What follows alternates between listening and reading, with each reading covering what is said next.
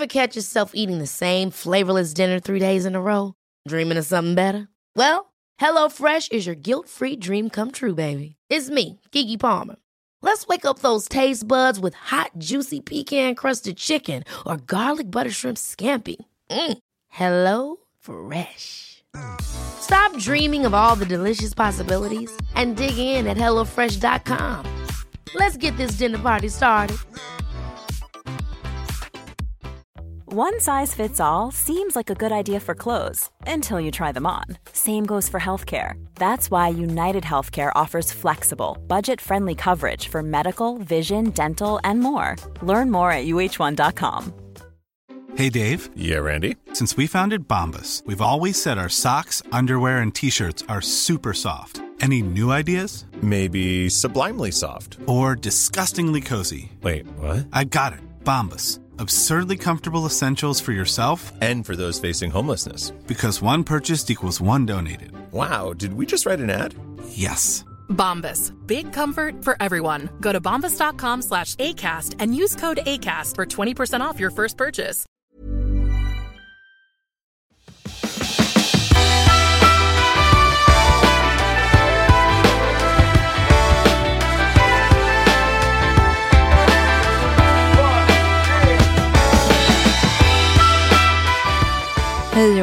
Välkommen till Klimakteriepodden med mig, Åsa Melin. Att njuta av naturen och att det är så vackert ute på försommaren, det är inte så svårt om man bara tar sig lite tid. Men vad mer njuter du av? Hörde du eh, Ellen Engvall i förra avsnittet som talade om hur viktigt det är att känna lust till livet, att göra saker som får att bubbla i magen av glädje. Vi talade också om andning som ett verktyg för att lyssna inåt. Och här ska vi också prata om andning, men vi ska tala om framförallt lust med fokus på verktyg som kan leda till djupare sexuell njutning och stärkt sexualitet.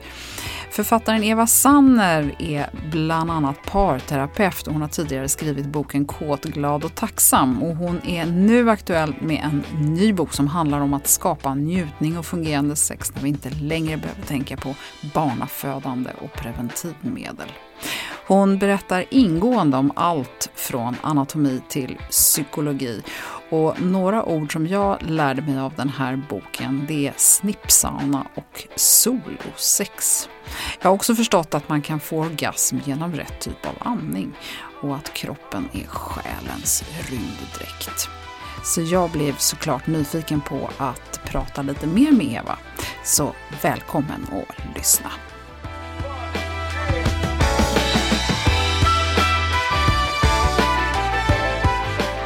Hjärtligt välkommen tillbaka till Klimakteriepodden, Eva Sanner. Tack så jättemycket. Det är kul att vara med igen. Ja, det var ju ett härligt avsnitt sist. Eh, Det var avsnitt 70 när vi pratade om kraften man kan hämta i naturen och då hade du precis kommit ut med boken Naturens hemlighet. Och eh, har man inte lyssnat på det avsnittet så tycker jag absolut man ska gå tillbaka och göra det. Och nu är du aktuell med en bok som heter Ja till njutning, sex och självkänsla efter 50, eh, som handlar om kvinnor i och efter klimakteriet och hur vi kan hålla sexualiteten levande. Och det ska vi prata om idag. Ja, Men för den som inte känner dig, Eva, så kan jag ju också berätta att du, eh, förutom att vara författare, så är du ju journalist och du har jobbat många år med tidningen Hälsa. Så är du psykosyntesterapeut och jobbar mycket med parterapi. det stämmer bra det.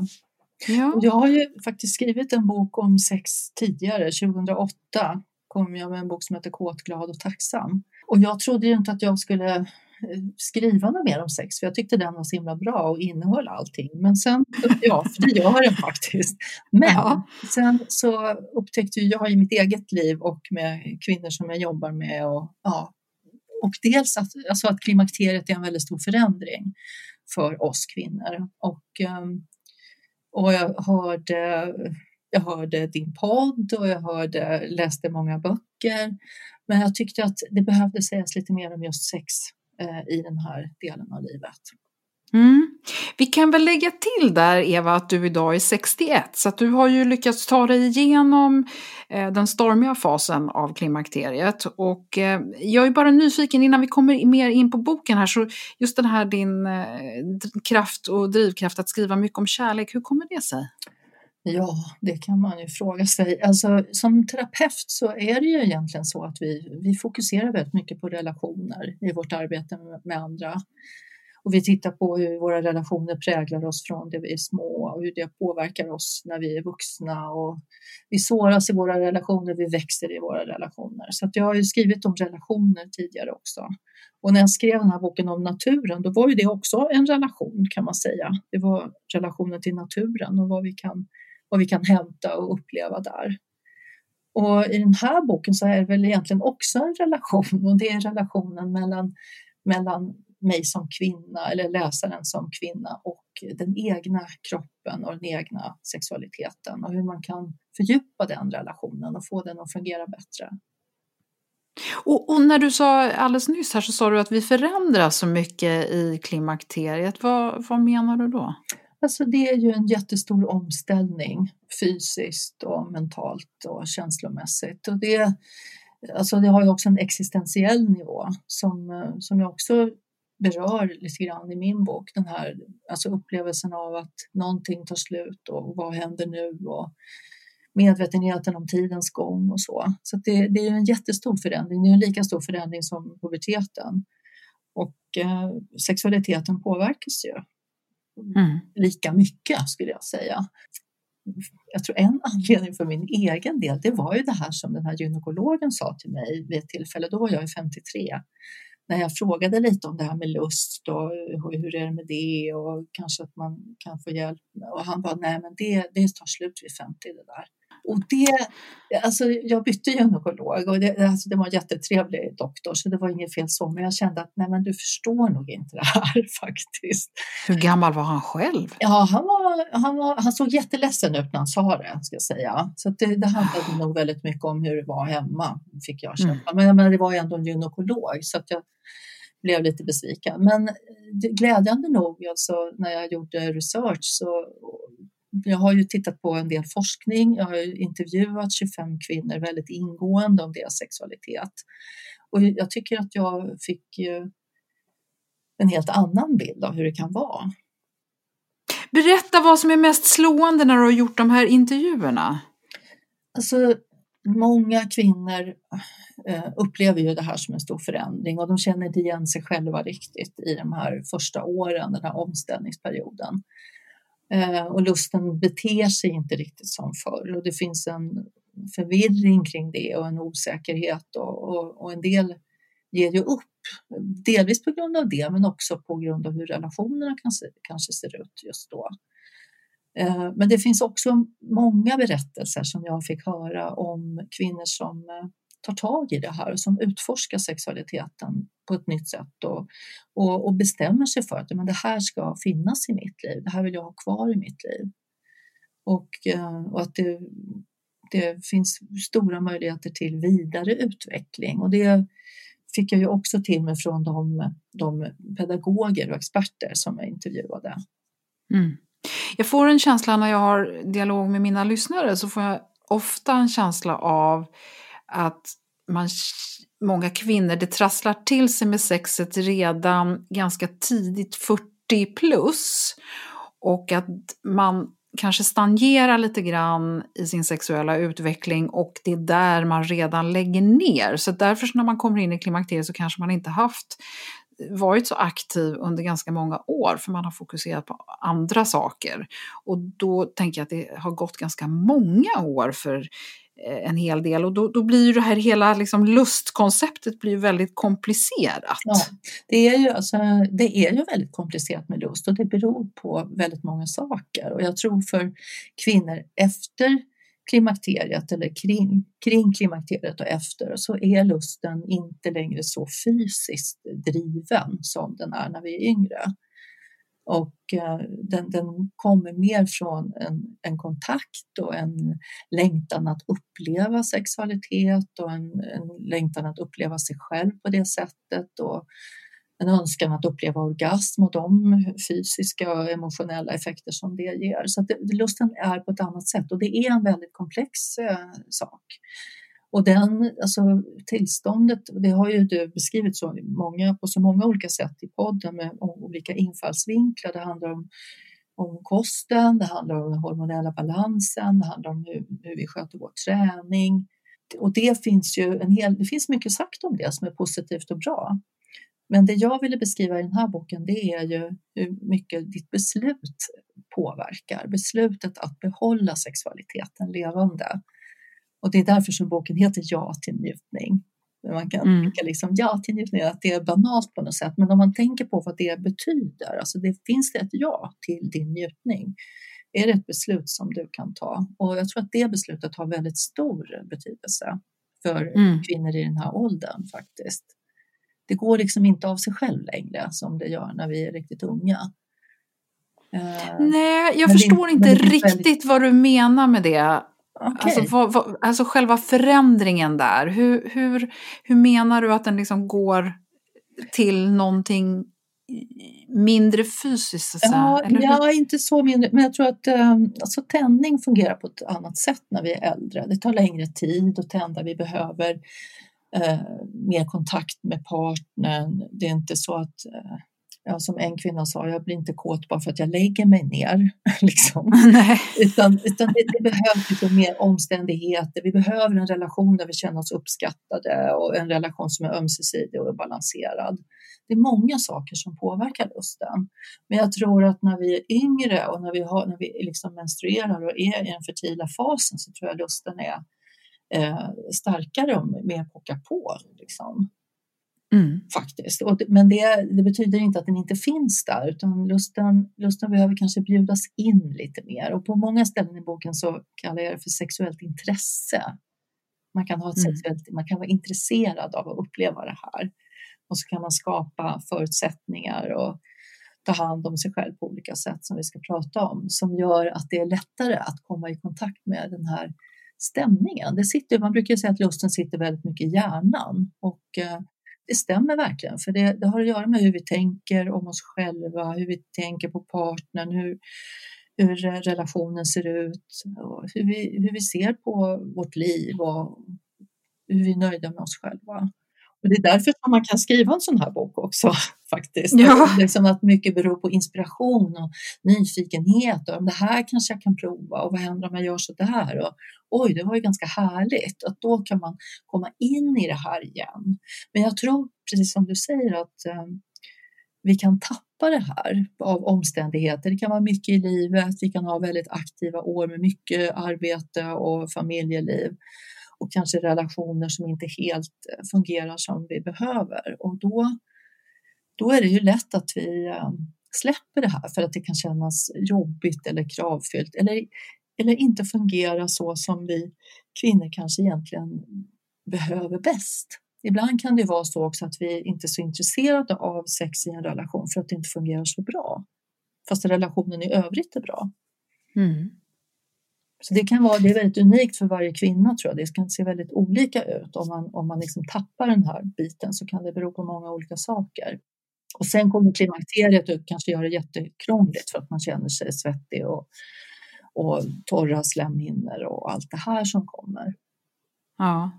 Du, men om man liksom kommer tillbaka till de här grundfaktorerna då med liksom lust till livet och lust i största allmänhet som vi pratade mycket om i förra avsnittet, att det gäller att liksom få det att bubbla och känna sig lite lycklig, att det också är grunden till att hitta tillbaka till sexuella lusten. Då, jag skulle vilja att vi kunde prata om några sådär, dels så finns det ju då en del eh, hinder som du nämnde nu, ett par stycken till exempel det här då med, med att det inte har funkat så bra med, sin, med partner och tid och torra slemhinnor och allt vad det nu är för någonting. Eh, och, och, just det här med att vi också behöver mer tid. Kan du inte ge oss liksom lite mer konkreta varför vi behöver mer tid? Ja, alltså ja. långsamhet är ju en... Eh, jag har ett kapitel i boken som heter Långsamhet är det nya svarta. liksom. alltså, lång, vi behöver mer tid för att tända och vi behöver mer tid för att komma igång. Men det är också väldigt positivt om själva, sexual, själva sexet är långsamt så att vi kan känna in och ha kontakt med partnern. Vi får mera lust av det. Um, och eh, så vi behöver mer tid för avslappning och inte minst så har ju det hormonella orsaker därför att vi är, väldigt, vi är mer stresskänsliga när vi har lägre östrogen. Och eh, då behöver vi ta det lugnt. Sex har aldrig varit så bra att koppla ihop med stress. Liksom. Men efter klimakteriet är det verkligen inte det, varken för män eller kvinnor egentligen. Kvinnor kan vara trötta på kvällen och män är trötta på morgonen. Det har jag hört väldigt ofta. Liksom. Mm, ja, mm. och då blir det ju svårt. Hur ska vi, när ska vi ha sex då? Eh, vi måste liksom vara tillräckligt eh, energiska för att vilja göra det. Hur kan vi ha ett sexuellt möte som fungerar också om det finns till exempel torra slemhinnor. Det finns ju väldigt bra hjälp som man kan få för det med de här lokala östrogenprodukterna. De tycker jag är jättebra. Men eh, det kan ju ändå vara så att det inte känns helt hundra. Och det, det är liksom inte bara att ösa på med glidmedel utan det kanske är så att vi behöver andra sexuella aktiviteter också. Att ge mer tid för det som med ett lite fånigt ord kallas för förspel. Eh, och liksom istället fokusera mer på sexuell beröring, oralsex, olika typer av smekningar och se, och inte minst kyssar som en väldigt härlig sak som vi kan ägna jättemycket mer tid åt. Och se att eh, lusten bjuds in genom de aktiviteterna och att vi kan vara sexuella på en massa olika sätt. Det måste inte alltid vara det här vaginala samlaget som är det enda eller det bästa. Och det tror jag är en av de stora eh, poängerna med min bok, att det är en sån fokusering på andra typer av sexuella aktiviteter. Och att eh, det finns forskning som visar att eh, de flesta kvinnor får inte orgasm av bara vaginalt samlag utan det behövs lite annan stimulans av klitoris eller g-punkt eller ja, var, var, olika saker som kan vara unikt för varje kvinna förstås. Och här behöver ju kvinnor fundera på och känna efter. Vad tycker jag om nu och vad funkar nu för mig? Vad är det som skulle vara härligt? Och att kommunicera det till en partner och säga så här kanske jag vill nu och det här som vi har gjort det är jättefint men det funkar kanske inte lika bra nu. Nej, och jag tänker där kan det ju också finnas en utmaning om man nu lever i ett heterosexuellt förhållande med testosteronbrist och erektionsproblem och alla möjliga saker som också ligger hos, hos mannen. Och jag tycker du uttrycker det så fint det här att, att klimakteriet påverkar en parrelation men kanske inte som en fysiologisk process utan mer som en existentiell utmaning. Och där tänker jag direkt att i långa relationer, om man känner varandra väl, så kan det bli väldigt svårt att plötsligt bestämma sig för att nu ska vi ta tag i det här och nu ska vi göra på nya sätt.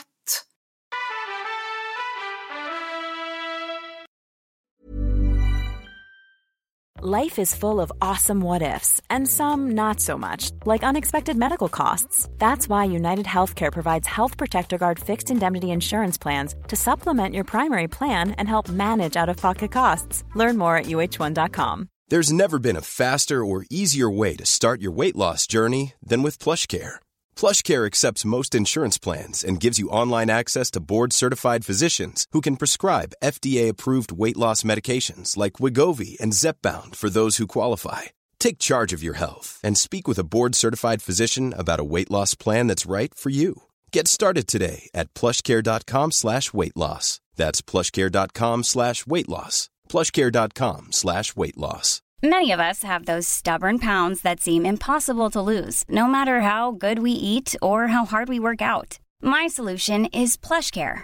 PlushCare is a leading telehealth provider with doctors who are there for you day and night to partner with you in your weight loss journey. They can prescribe FDA-approved weight loss medications like Wagovi and Zepbound for those who qualify. Plus, they accept most insurance plans. To get started, visit plushcare.com slash weight loss. That's plushcare.com slash weight loss.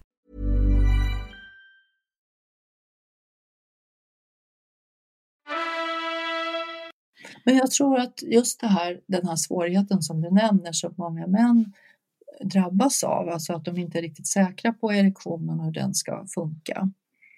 Att även för dem kan ju de här andra sexuella uttrycken vara väldigt avslappnande och väldigt eh, kravlösa och det kan, det kan göra att eh, man får ett nytt sexuellt intresse för att det känns, man känner sig friare helt enkelt. Jag tror att det finns par där man tappar sexualiteten på grund av, det kan vara som vi pratade om förut, att kvinnan har inte så mycket lust eller är trött och, och så eller tycker det är tråkigt. Men det kan också vara att mannen är osäker på sin erektion och undviker att, eh, han vill inte misslyckas och då kanske man liksom riktar intresset åt ett annat håll. Mm. Och då tänker jag att många av de här andra sexuella aktiviteterna, de är otroligt kravlösa.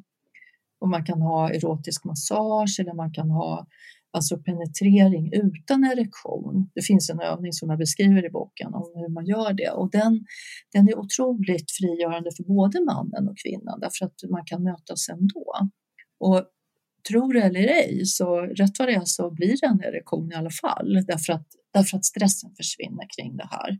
Nu har jag ju skrivit boken till kvinnan och, och just att jag har fokuserat mycket på kvinnokönets eh, anatomi och, och liksom på något sätt vilja lyfta upp kvinnans sexualitet i, som egentligen är hela livet förstås, men med fokus just på efter klimakteriet. Men det är klart att det är klart att det här är ju viktigt för män som har sex med kvinnor att eh, se vi kan ha sex på ett annat sätt och det kan vara väldigt positivt för mannen också.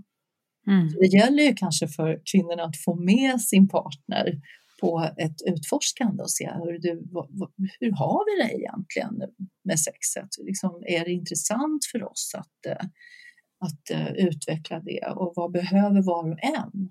Och våga prata om sin osäkerhet. Precis, för där tänker jag så här att det är så, eh, det här med att hitta tillbaka till sin egen lust, man, det är inte säkert man vet vad man vill ha. Man kanske, man kanske inte överhuvudtaget har funderat på det här och då ger ju du väldigt konkreta eh, råd för att hitta tillbaka till sin egen lust först. Det behöver inte ens vara med en partner, man kanske lever ensam. Och, och, då tänker jag att man kanske inte är van vid att onanera eller man kanske till och med tycker att det här är väldigt liksom, skambelagt, ja, trot eller ja. ej, så finns det ju många kvinnor som faktiskt tycker det eller känner så. Exakt, och jag, jag har ju verkligen i den här boken slagit ett slag för solosexet som en, ett sätt att bli vän med sin sexualitet och, och liksom visa sig själv en sexuell omsorg. Och, och, det, jag vet att det kan vara utmanande för kvinnor, men jag tror att det liksom, vi vill ju utvecklas kanske. Om vi har en situation där vi, som vi vill förändra, då handlar det ofta om att vi behöver kanske gå utanför komfortzonen lite grann. Och då, då kan jag tänka att det, det kan vara tryggt att göra det själv först och liksom fundera på, har jag lusten kvar? Och de flesta upptäcker ju att de har det. Så det är mm. många kvinnor som, som inte känner att de har lust eller det funkar inte med partner men de kan mycket väl tillfredsställa sig själva och då tycker jag okej, okay, men, men, men behåll det och se liksom, vad, vad, kan vi, vad kan vi gå därifrån? Och inte minst för att det finns så många kvinnor i den här åldern som lever ensamma också. Och så jag vill ju få med dem också och liksom se att man kan göra mycket med sin sexualitet fast man lever själv. Man måste inte avstå från det jag tror jag tänker så här, i den här åldern, om, om, om det är en person som är blyg till exempel och känner skam inför det här, att, att fundera över varifrån kommer den här skammen? Och jag skriver ju en del om eh, alltså hur samhället har sett på kvinnors eh, sexualitet under århundraden, eh, årtusen, alltså det är en väldigt lång period som det har som samhället har så att säga, tryckt ner den kvinnliga sexualiteten och skambelagt den. Medan mm. den manliga sexualiteten har uppmuntrats. Väldigt tidigt så är det okej okay, liksom, att pojkar drar i snoppen men det är inte så okej okay att flickor är sexuellt aktiva själva. Och jag tänker att när vi nu är i den här åldern och vi kanske funderar på, ska jag ha något mer sex i mitt liv eller ska jag släppa det? Så tycker jag det är väldigt sorgligt om sådana kulturella normer ska stoppa människor från att ha det bra. Och glädjande nog så var det ju flera av de kvinnorna som jag intervjuade, och nu är inte de, alltså det är ju inte något statistiskt säkerställt urval, det är ju 25 kvinnor. Så det, och det är ju de kvinnorna som vill berätta. De vill ju kanske berätta för att de har något positivt att säga, men de beskrev ju många av dem just glädjen med att kunna ha solosex och ge sig själva njutning och att det gav dem ett självförtroende och en självkänsla som de kan ta med sig till ett möte med en partner. Mm. Och där handlar det ju också mycket om att ta hand om eh, sina eh, torra slemhinnor och tunnare slemhinnor och man kanske behöver träna lite bäckenbotten och allt möjligt sånt för att det ska funka. Sen kan det ju finnas hinder med sjukdomar och operationer eller mediciner som, som liksom tar ner det här. Men det finns ju en rad positiva effekter Eh, Eh, av sexualitet. Kan du inte berätta lite om dem? För det kan ju ge, eh, sporra lite till, för att eh, det är inte så lätt att lyssna på det här och tänka, ja ah, jo men hon snackar om lust och hit och dit, jag fattar, ja det hade varit härligt, men men. Ja, alltså en kvinna som pratade om solosex, hon sa ju det här är ju bara friskvård, det här är ju inget konstigt. Liksom. Och hon har ju verkligen rätt på så sätt att eh, sex frisätter, alltså en orgasm frisätter en massa signalsubstanser i vår hjärna som gör att eh, det är väldigt hälsosamt för oss helt enkelt att ha sex och det finns inte minst frisättningen av oxytocin förstås som är väldigt stor vid en orgasm. Och det, oxytocin är ju en substans som har satts i samband med många positiva hälsoeffekter och även mentala, så vi blir smartare av sex skulle man kunna säga. Därför att vi, oxytocinfrisättning gör att vi, vi löser kreativa problem bättre. Mm. Och eh, vårt immunsystem blir mer effektivt eh, och eh, blodtryck och, och, och, så påverkas positivt. Så det, det, finns ju alla skäl i världen att behålla det här. Men eh, det finns ju en risk när man pratar om det här och det är att kvinnor känner att det här blir ett krav och, och liksom oj, oj, oj, nu måste jag ha sex också annars så blir jag, får jag hjärtinfarkt. Liksom. Ja, precis, för det har positiva effekter på blodtryck och dopaminnivåer och herregud, allt blir toppen om jag bara får sexet att funka. Men då är det väldigt många av de effekterna kan man ju också få med beröring alltså med annan typ av beröring, fast kanske inte lika effektivt. Men det är inte så att det inte farligt, det är inte farligt att inte ha sex, men det är hälsosamt och bra att ha det om man säger så. Mm. Då har jag hävdat att, ähm, att en del av de här effekterna kan du uppnå även på egen hand. Då kommer man ju också då in väldigt lätt på liksom vad, ja, sexhjälpmedel och sexleksaker och, och det är ju Alltså ett område som också är laddat för kvinnor. Att ska, ska man liksom ha en dildo nu och hur ska man göra? Hur ska jag få tag på den och vad pinsamt allting blev. Och, och jag tänker så här, se det här som en, en, en, en kärleksfull utmaning som du ger dig själv. Det är ju för dig själv som du gör det här. Det är ingen annan som ska kräva av dig att du ska göra någonting när det gäller de här sakerna, utan det är bara för din egen skull. Och då är det faktiskt lite lättare att, att närma sig det här, att jag, jag vill faktiskt ha det lite mysigt. En sak som du pratar om också är det här med att den kvinnliga sexualiteten är misshandlad. Vad, vad menar du? Ja, alltså vi kvinnor lever i en kultur där eh, den kvinnliga sexualiteten har tryckts ner i århundraden, väldigt, väldigt lång tid och misstänkliggjorts. Och kvinnor som har levt ut sin sexualitet har, har drabbats av väldigt eh, tråkiga följder. Och eh, jag tror att det är viktigt att se att när, när vi kvinnor som äldre, när, när, vi har ju en ungdomskultur, en ungdomskult i vår kultur som mm. diskriminerar äldre personer till förmån för yngre. Och det här drabbar kvinnor mer än män, så äldre kvinnor är liksom lägre stående än äldre män. Men jag tänker att en kultur behöver värdera alla sina invånare, alla sina medlemmar. Och en kultur som inte eh, värderar äldre kvinnor, den är inte riktigt hållbar. Och det, det finns det mycket som tyder på att den inte är. Och, så det är också ett argument eller någonting som jag diskuterar i boken, hur vi faktiskt är med om en samhällsförändring när vi tar tag i våra egna liv. Och att vi bidrar till en, en ny syn på vad det, vad, det, vad det är att bli äldre och att vi fortsätter att utvecklas så att vi kan bli också de här visa, lyckliga eh, kvinnorna som, som vi kan bli. Och att vi, vi, vår kultur behöver det. Nej, jag är helt med dig. Man brukar ju säga att sex föder sex och lust föder lust och så, och så vidare. Men till slut så kanske man också känner att man eh, kan eller vill ge upp. Hur, hur, kan man veta att man faktiskt är ointresserad eller att man kan slippa det här? Alltså, jag tänker så här att det här är för de allra flesta människor en, en, en del av vårt liv som är ganska naturlig och som vi egentligen har tillgång till. Det finns ju en liten grupp människor som har väldigt liten, litet sexuellt intresse. eh, hela livet, tror jag. Men om vi, om vi känner att det här känns jobbigt eller kravfyllt, men det har varit positivt tidigare, då, då kan vi ju fundera på vad är det som har hänt? Är det någonting som har ändrats i relationen? Känner jag mig inte glad? Är jag nedstämd?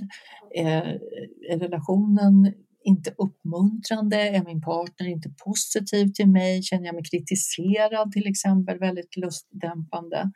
Så jag tänker så här att när vi vill slippa sex, då är det ofta tror jag för att relationen inte är bra. Vi känner oss inte omhändertagna.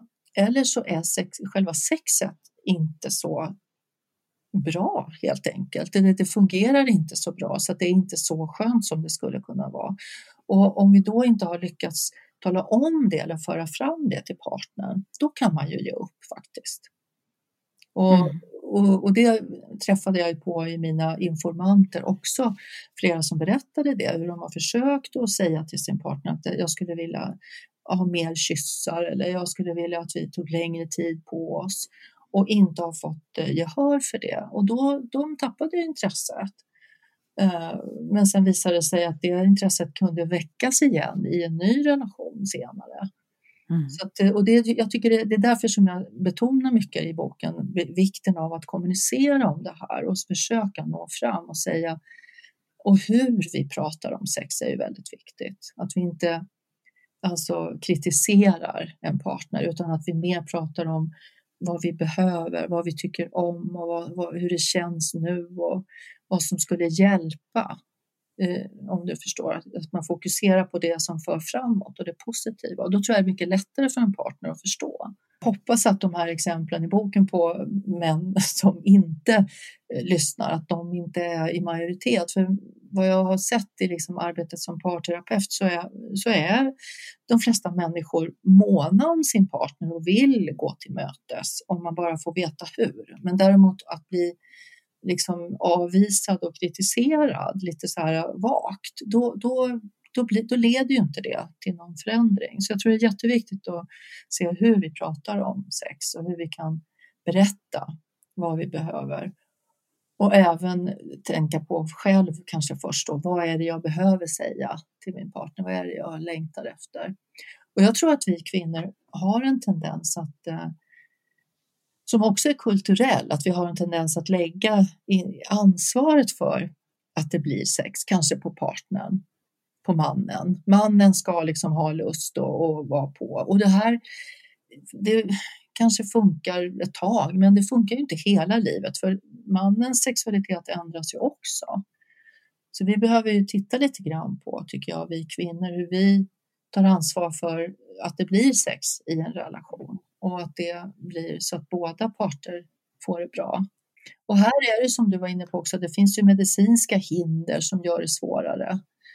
Och då gäller det att hitta ett sätt, hur kan vi lösa det tillsammans? Hur kan vi, hur kan vi vara sexuella i alla fall, fast vi har de här eh, problemen? Och det är inte bara erektion, utan det kan ju vara många saker som man brottas med och efter bröstcanceroperationer eller såna här mm, mediciner efter bröstcancer som gör att man väldigt plötsligt kommer i plötsligt kommer det klimakteriet. Och det finns ju en massa saker vi kan råka ut för och problem i underlivet och så.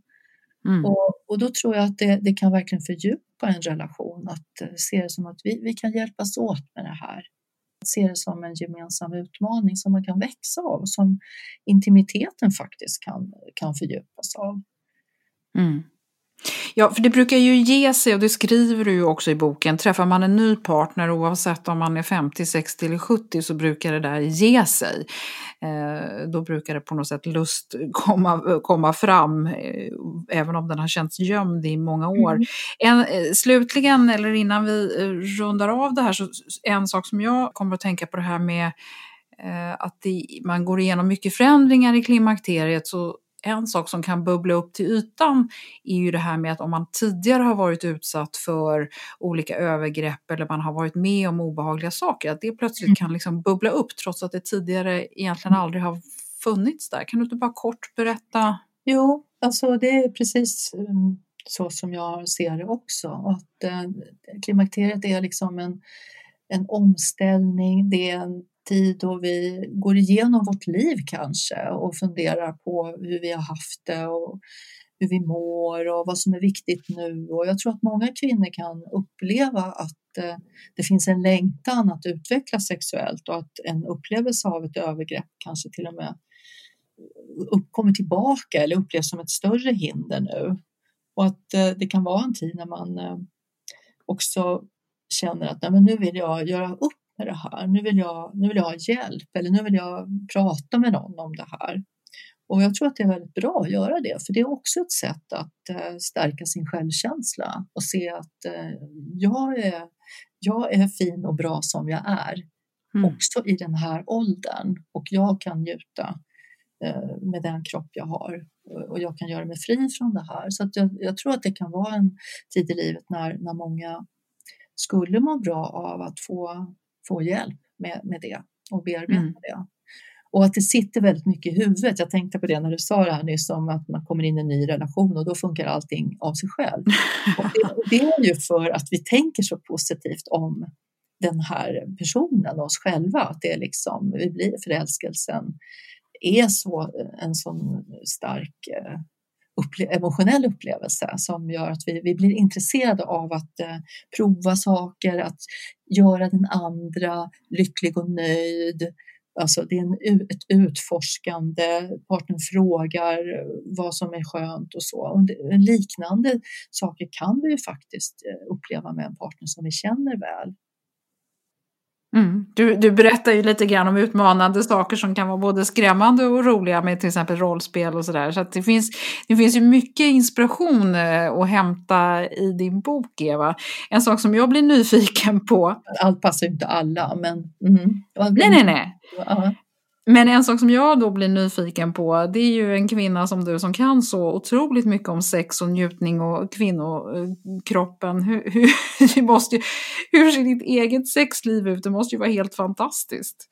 Alltså, ja, det är helt fantastiskt ibland kan man säga. Men det är ju precis som, det är ju likadant för mig som för andra att, att det här kommer och går och att det måste få göra det och att eh, med perioder av mycket arbete eller utmaning som, som jag också får i livet av olika slag. Men, men det som jag tror att jag är trygg med i den situation jag är nu, det är att jag vet vad jag ska göra för att komma på banan igen och att jag, jag, känner mig trygg med att jag, att jag kan påverka det här, att jag kan påverka den relation jag har.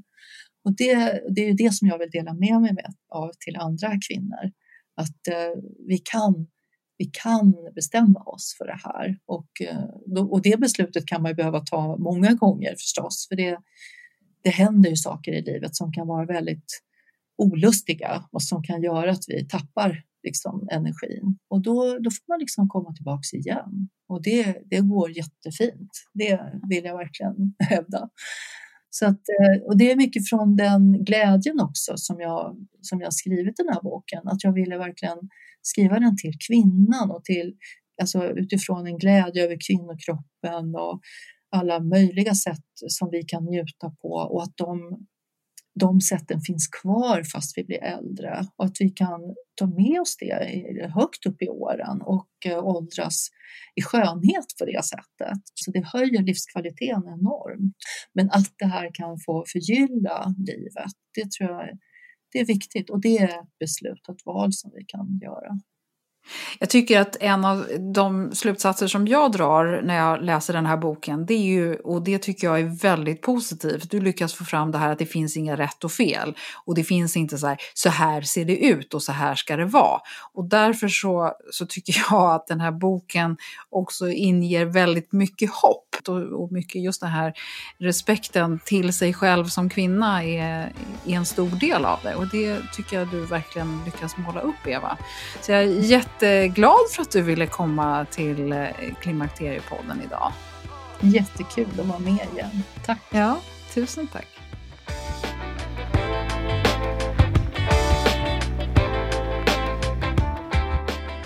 Jag älskar kloka kvinnor som har modet att dela med sig av kunskap som kan vara svår att tala om. Eva Sanner och hennes bok kan du läsa mer om via länkar som finns på klimakteriepodden.se och Facebook-sidan. Du kan också följa Klimakteriepodden på Instagram. Där finns det alltid något mer att inspireras och lära sig av.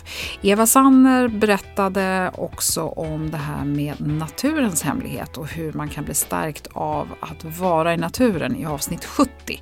Så bläddra tillbaka till det om du inte har det i färskt minne.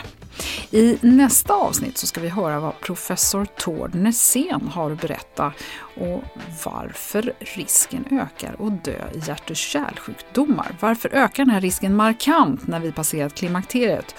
Och vad talar vi mer specifikt om? Men framförallt, vad är nycklarna för att inte drabbas? Precis, det vill du inte missa, så du är varmt välkommen att lyssna snart igen. Orkar du inte vänta till nästa onsdag så finns det god anledning att bläddra bland tidigare avsnitt. Du har garanterat inte hört alla 140 och har du det så kanske du inte kommer ihåg allt som sagts, eller i alla fall gör inte jag det. Tack för idag och hoppas att du är med snart igen. Hej då!